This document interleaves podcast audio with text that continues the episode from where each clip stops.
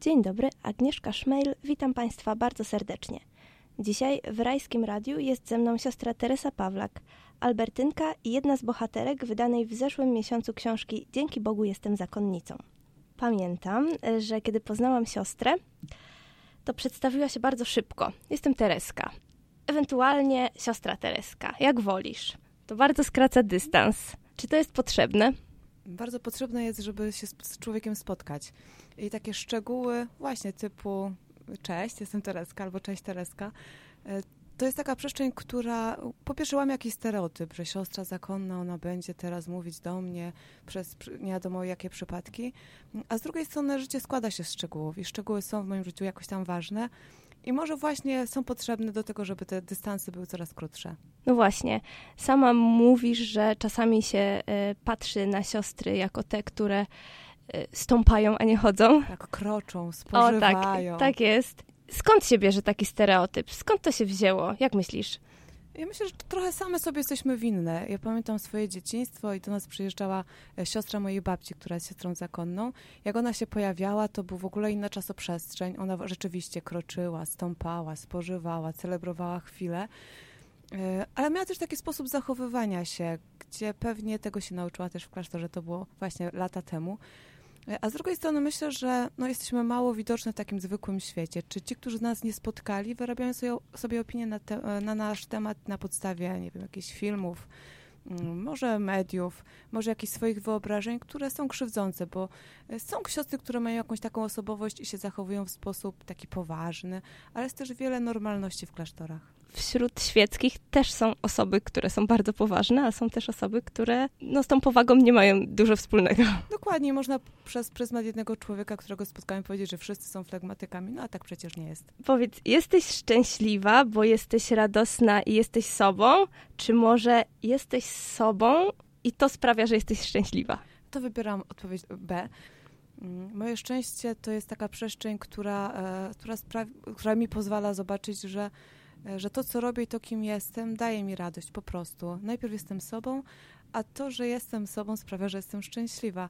E, I nie wyobrażam sobie e, nieszczęśliwego życia. Wtedy bym szukała sposobu, żeby być szczęśliwą. No jasne. Czy to w zakonie, czy to gdziekolwiek, gdziekolwiek indziej. Myślę, że nieważne jest miejsce, gdzie przeżywamy swoją codzienność. Ważne, żeby być sobą i żeby mieć takie, tak, takie przekonanie, że ta droga jest moja. Nigdzie nie ma lekko, nigdzie nie ma łatwo. Pojawiają się problemy i cierpienie w każdej przestrzeni naszego życia, ale jak wiem, że to jest moje, to, to może nie zawsze z uśmiechem na twarzy, ale przynosi szczęście i taką wewnętrzną radość. No właśnie, w książce możemy wiele razy przeczytać, że siostra zakonna zmaga się w gruncie rzeczy z podobnymi kryzysami i z podobnymi w pewnym sensie problemami, tylko na trochę innym gruncie. Myślę, że e, problemy człowieka są bardzo podobne. Generalnie to są najczęściej problemy w relacjach i problemy w przeżywaniu też siebie, jakichś swoich e, ograniczeń, które nosimy. Ja to nazywam mhm. często jakieś patologii, które w sobie mamy. I one na różnym poziomie będą się odzywać. E, wiadomo, że może innym problemem jest to, że żyjemy w, we wspólnotach, których nie łączą więzy krwi, czyli to nie jest taka typowa rodzina, e, ale jesteśmy między samymi babami i bywa różnie i to też są jakieś e, miejsca, które generują problemy. Ale poza tym, no, każda z nas spotyka się z jakąś swoją niemocą, niedojrzałością, nieumiejętnością, cierpieniem, przeżywaniem jakiejś pracy nawet zawodowej często, w której są jakieś zgrzyty czy, czy oczekiwania, które nie są spełnione. Więc pewnie takich ludzkich problemów jest masa, no ale pojawiają się też takie problemy duchowe, czy tej przestrzeni przeżywania też mojej relacji z Panem Bogiem. To są może troszkę inne problemy niż y, zwykłej rodziny, nawet wierzącej, bo i ta relacja jest troszkę inna. No to prawda. Co dla ciebie jest najtrudniejsze w byciu siostrą? Hmm. Nie to, że wiem, co mam ubrać, bo akurat mój habit bardzo lubię, więc chodzenie w habicie mi przynosi taką radość. Y, pewnie zależy, na którą przestrzeń bym chciała popatrzeć, bo y, tak po ludzku czasem mam świadomość tego, że y, no, są moje jakieś takie ograniczenia, że jestem kobietą, która ma pełno tych, w sobie tych patologii y, i to czasem bywa trudne, bo często jakieś swoje zranienia czy y, sytuacje, które przeżywam, jakby na te sytuacje przenoszę swoje jakieś właśnie ograniczenia, a tego bym nie chciała. Nie chciałabym kogoś skrzywdzić tylko dlatego, że skopiuję jakieś tam swoje y, właśnie y, niedojrzałości na kogoś, wyleję swój żal. Więc z jednej strony takie patrzenie zawsze świeżo na człowieka, którego mi Pan Bóg daje, e, a nie przez pryzmat jakichś swoich nawet wyobrażeń o tym, co ja o tym człowieku myślę, czy co bym chciała zrobić w jego życiu. I też taka świadomość tej już takiej ludzkiej przestrzeni, że nie będę pchać swojego wózka, więc taki tak bardzo po babsku, nie? No że, że nie będę mieć fizycznie sw swojej rodziny i swoich dzieci, to bywa trudne. Może w tym momencie dużo trudniejsze, bo jestem w takim okresie swojego życia, kiedy już wiem, że tak, tak, ostatnia szansa. E, a w takiej przestrzeni e, może ważniejszej, takiej mojej relacji też z kimś, dla kogo oddam swoje życie z Panem Bogiem, to jest taka tęsknota też, bo no, przestrzeń wiary to jest jakaś przestrzeń tęsknoty i, i to czasem bywa trudne, że tęsknisz za kimś, jeszcze trzeba poczekać, nie? ale tak myślę, że samotność, no każdy ją przeżywa. I owszem, inaczej przeżywa ją siostra, która no, ma, ma jednak takie poczucie, że nikogo nie ma na własność, że tak to wyrażę, że nikt nie jest tak naprawdę do końca mój.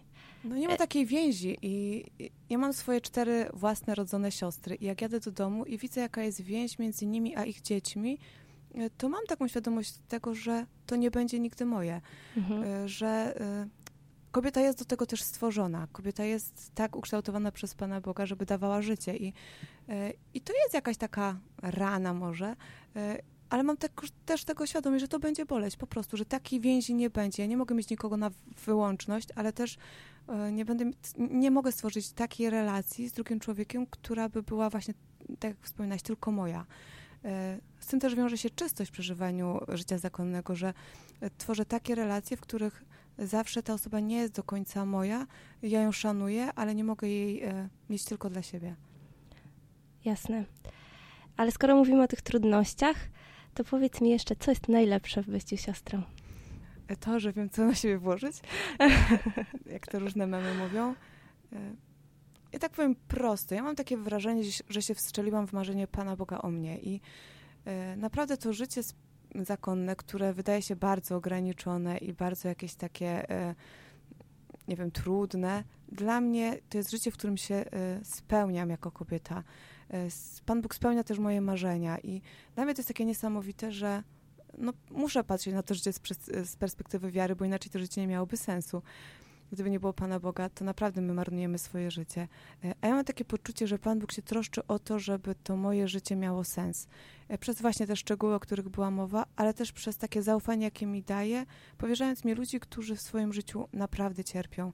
I Pan Bóg mi ich daje i mi mówi, że e, no, mam do ciebie takie zaufanie, że daj ci tego człowieka i teraz, no dla mnie to jest takie z jednej strony wow, a z drugiej strony takie piękne, że że mam możliwość uczestniczenia w życiu ludzi, e, którzy często jakoś nie byliby przeze mnie spotkani czy odkryci, gdybym nie miała habitu, gdybym nie była Albertynką.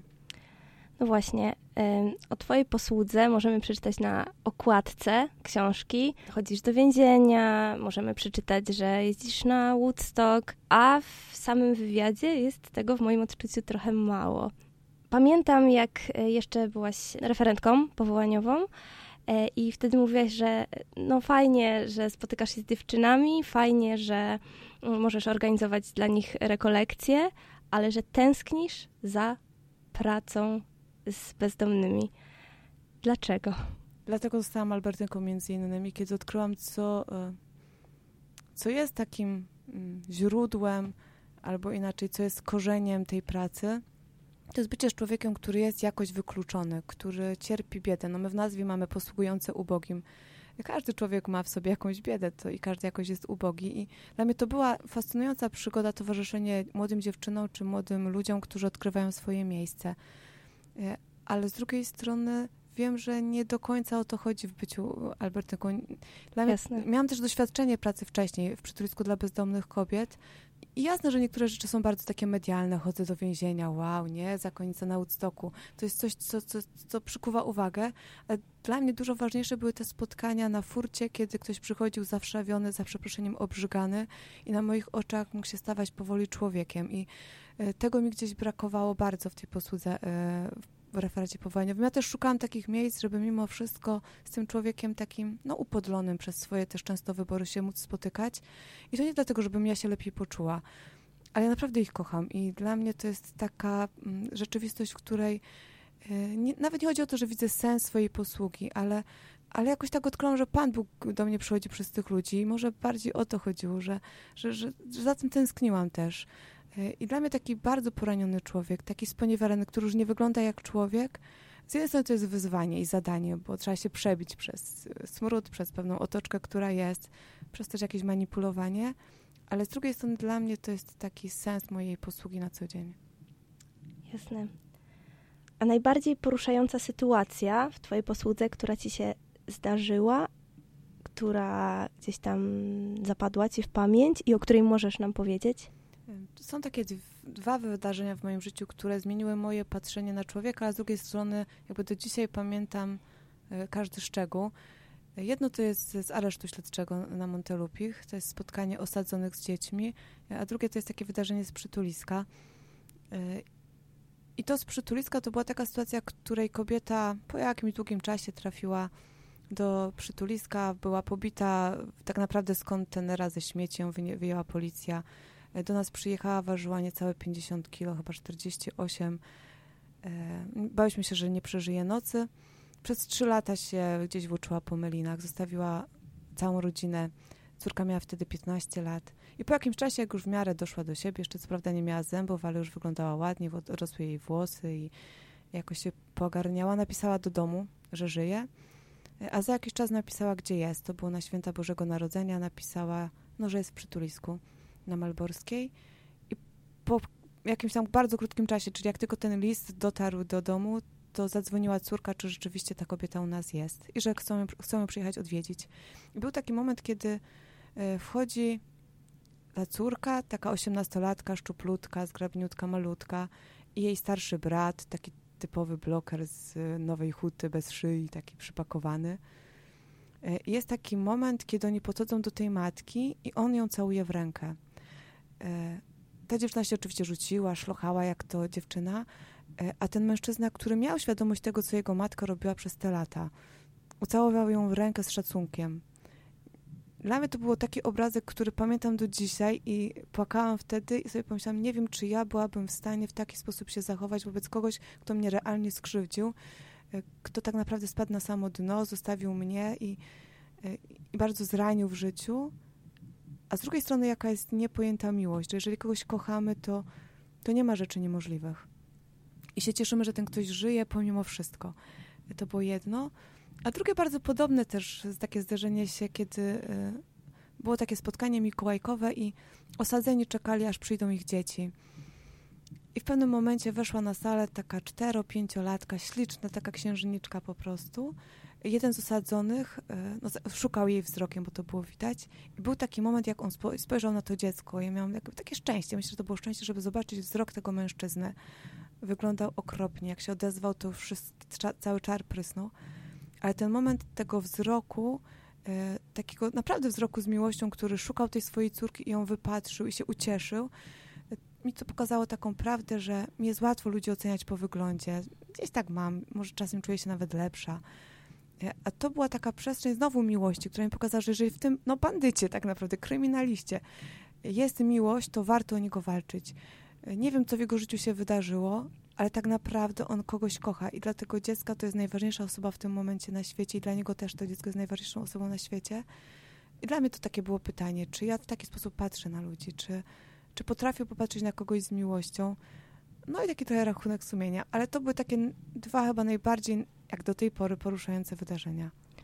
Miłość świadczy i pokazuje człowieczeństwo. E, też pamiętam, mm, że no, miałam tę możliwość i zaszczyt, żeby być w, no, na kolędowaniu w areszcie. I coś, co mnie bardzo, bardzo uderzyło, to to, że oni tak pragną po prostu normalności. Jak każdy człowiek. Ja myślę, że my potrzebujemy e, w życiu takich spotkań, w których człowiek spotyka się z człowiekiem, bez fajerwerków, bez otoczek, nie musi być świec, e, super jedzenia i nie wiadomo jakiego klimatu, e, ale taka przestrzeń prawdy. Myślę, że w dzisiejszym świecie tej prawdy jest bardzo niewiele. My często chodzimy w maskach, e, udajemy kogoś, kim nie jesteśmy, bo są takie wymogi, bo trzeba się jakoś tam zachować. E, a takie przestrzenie, kiedy możemy być sobą i nie boimy się tego, że ktoś nas odrzuci, no to jest tęsknota każdego człowieka. Powiedz mi tak na sam koniec, e, skąd w ogóle wzięła się ta książka? Czy to jest taka um, odpowiedź na to, że ludzie są ciekawi zakonnego życia, czy może też takie pokazanie tego, co jest dobre, bo powiedzmy sobie szczerze, Kościół nie ma najlepszego PR-u w tej chwili? Ta książka to jest trochę odpowiedź na inną publikację. Kilka lat temu ukazała się książka Zakonnice odchodzą po cichu i był taki wtedy szum, yy, zwrócenie uwagi na to, że rzeczywiście te biedne dziewczyny cierpią na nie wiadomo jakie katusze. W naszej kulturze, w naszym środowisku, w naszym świecie, w Polsce jest bardzo dużo sióstr zakonnych jeszcze. I my często nie rozumiemy w ogóle, co się tam dzieje, a to jest też jakaś rzeczywistość, która wokół nas jest. E, nie wiem, dlaczego wygrałam casting do tej książki. Nie do końca wiem, czemu pani Małgorzata Terlikowska do mnie napisała, czy zgodziłabym się. Ale myślę, że, te, e, że właśnie po tej książce wcześniejszej, która pokazywała może od innej strony życie zakonne, okazało się, że nie ma takiej książki, która by pokazywała, że, że w klasztorze są szczęśliwe, spełnione kobiety, które robią z jednej strony dużo dobra, a z drugiej strony wpisują się w krajobraz naszej rzeczywistości i my o nich tak naprawdę mało wiemy. E, I ta książka nie jest dla zakonnic. To jest publikacja dla osób, które chciałyby się dowiedzieć, jak naprawdę nasze życie wygląda, jak my je przeżywamy. To jest moje doświadczenie. Tamta książka to jest doświadczenie tych kobiet, które tam się wypowiadały i mają prawo do wyrażenia swojej opinii na jakiś tam temat, ale my chcieliśmy pokazać, że my naprawdę jesteśmy szczęśliwe i że to, co robią e, zakony, czy to, co robią konkretne siostry, to są mm, fajne historie, że każdy z nas pisze jakąś historię, no i za kratami też jakieś historie się wydarzają. Bardzo Ci dziękuję za spotkanie, a wszystkich nas słuchających zachęcam do przeczytania książki Dzięki Bogu jestem zakonnicą. Dziękuję bardzo. Dziękuję również.